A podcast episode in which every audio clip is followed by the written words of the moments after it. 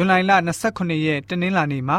လေ့လာသွားမယ့်ဥပုသ္စာဖြစ်တဲ့ငန်းဆိုင်ခေါင်းစဉ်ကတော့တကူအာနာရရှိသောအသင်းတော်တစ်ပါးဖြစ်ပါတယ်။တမန်တော်ဝတ္ထုကိုတန်ရှင်းသောဝိညာဉ်တော်ဖရားရဲ့လှုပ်ဆောင်ချက်လို့ခေါ်ဝေါ်သမုတ်ပါတယ်။တသက်ခံခြင်းအမှုမှာစိတ်ပါဝင်စားစွာကြွကြွဆဆဆောင်ရွက်ကြပါတယ်။ဧဝံဂေလိတရားကိုကြွေးကြော်ဟောပြောကြပါတယ်။အသင်းတော်ဟာလည်းပဲတိုးတက်တယ်။တမန်တော်ဝတ္ထုဟာဆိုလို့ရှိရင်ယုံကြည်သူအပေါင်းတွေရဲ့စက္ကန့်မှုကိုဖော်ပြထားပါတယ်။တန်ရှင်းသောဝိညာဉ်တော်နဲ့ ပြေဝကြတာလည်းတွေ့ရပါတယ်။ကဘာကြီးကိုသခင်ခရစ်တော်နဲ့ယဉ်ဤကျွမ်းဝင်အောင်လုပ်နိုင်ပါတယ်။တန်ရှင်းသောဝိညာဉ်တော်ဖရားကိုအားကိုးမိခိုပြီးတော့နမိတ်လက္ခဏာအံ့ဘွယ်အမှုများစွာကိုပြုလုပ်နိုင်ကြပါတယ်။လူသားတွေကနေတဆင့်တန်ရှင်းသောဝိညာဉ်တော်လှုပ်ဆော်ပေးမှုကြောင့်အမျိုးသားအမျိုးသမီးအပေါင်းတို့ဟာဖျားရှင်အတွက်စက္ကက်အနံ့ခြင်းအမှုကိုပြုကြတာတွေ့ရပါတယ်။တမန်တော်ဝတ္ထုခန်းကြီး2အငယ်51 52တမန်တော်ဝတ္ထုခန်းကြီး4 အငယ်4အငယ်31တမန်တော်ဝတ္ထုခန်းကြီး9အငယ်14အငယ်42တမန်တော်ဝတ္ထုခန်းကြီး6အငယ်9ကိုဖတ်ပါမယ်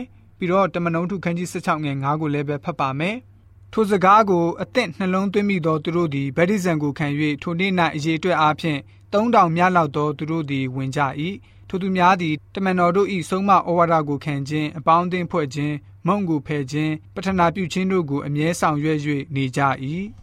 တရားနာသောသူအများတို့သည်ယုံကြည်ခြင်းသို့ရောက်၍အရေးအတွက်အားဖြင့်လူ9000များလောက်ရှိကြ၏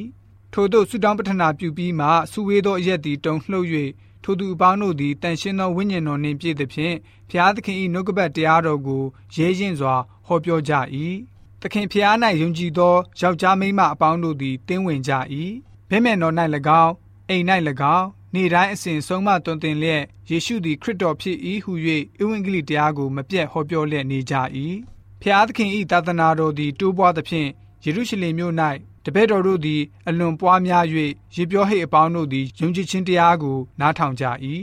ထို့သောအသင်းတော်တို့သည်ယုံကြည်ခြင်း၌တည်ကြည်မြဲမြံသည်ဖြစ်၍အခြေအတွက်အားဖြင့်တစ်နေ့ထက်တစ်နေ့တိုးပွားများပြားကြ၏ဆိုပြီးတော့ဖော်ပြထားပါတယ်။ရှမ်းခရစ်ဝင်ကျမ်းကနေရှင်းလင်းပြသစွာပြောဆိုထားတာကတော့ တမန်တော်ဝတ္ထုကိုရှင်လုကာရေးသားတဲ့နေရာမှာဖတ်ရှုတဲ့သူတွေအတွက်တန်ရှင်းသောဝိညာဉ်တော်ရဲ့အမှုတော်ဆောင်ရွက်ပုံရှေးဦးအသင်းတော်ခေတ်မှာဘယ်လိုမျိုးရှိတဲ့အကြောင်းကိုဝေငှရေးသားထားခြင်းဖြစ်ပါတယ်။တတိပြုဖို့အချက်ကတော့ပထမရာစုနှစ်အတွင်းတန်ရှင်းသောဝိညာဉ်တော်ရဲ့လှူရှားမှုအရေးအတွက်အကျဉ်းဘယ်လောက်ရှိတယ်ဆိုတာကိုဖော်ပြခြင်းမျိုးမဟုတ်ပါဘူး။ဗတ္တိဇံခံယူတဲ့အရေးအတွက်ကိုဖော်ပြပါတယ်။တမန်တော်ဝတ္ထုခန်းကြီး2ငွေ47မှာပဲလူပေါင်း3000 ယင်းနှစ်ချင်းခံခဲ့ပါတယ်။တမန်တော်ဝတ္ထုခန်းကြီး၄ငွေ၄မှာတော့လူပေါင်း9000ဗတ္တိဇံခံတဲ့အကြောင်းတွေ့ရပါတယ်။တမန်တော်ဝတ္ထုခန်းကြီး9ငွေ14မှာတော့လူလူကြီးဟာဖျားရှင်ကိုယုံကြည်ပြီးတော့ဗတ္တိဇံခံခဲ့တယ်ဆိုတာကိုရေးသားဖော်ပြထားတာတွေ့ရပါတယ်။တီးတန့်တူးချင်းစီရောဖိလိပ္ပုလူမျိုးထောင်မူးလိုရောနတ်ဆိုးဆွဲတဲ့သူငယ်မပြီးတော့အက်သီယိုပီအမတ်စသည်ဖြင့်တူးချင်းမှာတန်ရှင်သောဝိညာဉ်တော်ရဲ့လှုပ်ရှားမှုတွေကိုလည်းပဲရှင်လုကာဟာမှတ်တမ်းတင်ခဲ့ပါတယ်။ အထူးပြသချက်ကတော့လူလူကြီးကြီးမားမားရဲ့နောက်ွယ်မှာရောလူသားတူးချင်းစီရဲ့နောက်ွယ်မှာရောဖျားရှင်ရဲ့သားသမီးအရောက်စီတိုင်းအတွက်ခရစ်တော်ဟာအသေးခံခဲ့ပါတယ်။လူများစွာပြောင်းလဲလာမယ်ဆိုရင်ကျွန်တော်တို့ကျင့်နဲ့နှစ်သက်ပါတယ်သို့တော့အဆုံးမှာတသက်ခံခြင်းမှာလူတဦးချင်းကိုသာစူးစမ်းတသက်ခံရပါတယ်ဓမ္မတိအချိန်မှာအသင်းတော်တွေလင်းလင်းမြင်မြန်တိုးတက်လာတယ်အသင်းတော်တွေကို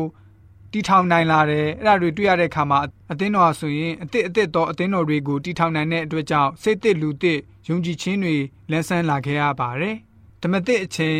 အသင်းတော်ရဲ့အဓိကအာယုံပြုချက်ကတော့အမှုတော်ဆောင်ခြင်းနဲ့သာသနာပြုခြင်းပဲဖြစ်ပါတယ်ဒီလိုကြောင့်ကျွန်တော်တို့ယုံကြည်သူများအနေနဲ့ဓမ္မသစ်အချိန်အသင်းတော်ရဲ့လှုပ်ဆောင်မှုတွေကိုစံနမူနာယူပြီးတော့လက်ရှိအချိန်မှာလှုပ်ဆောင်ကြတဲ့ယုံကြည်သူတွေဖြစ်စေဖို့အတွက်တနင်္လာနေ့ဥပုသ္စာပြေသင်ခန်းစာကဖော်ပြပေးထားပါတယ်။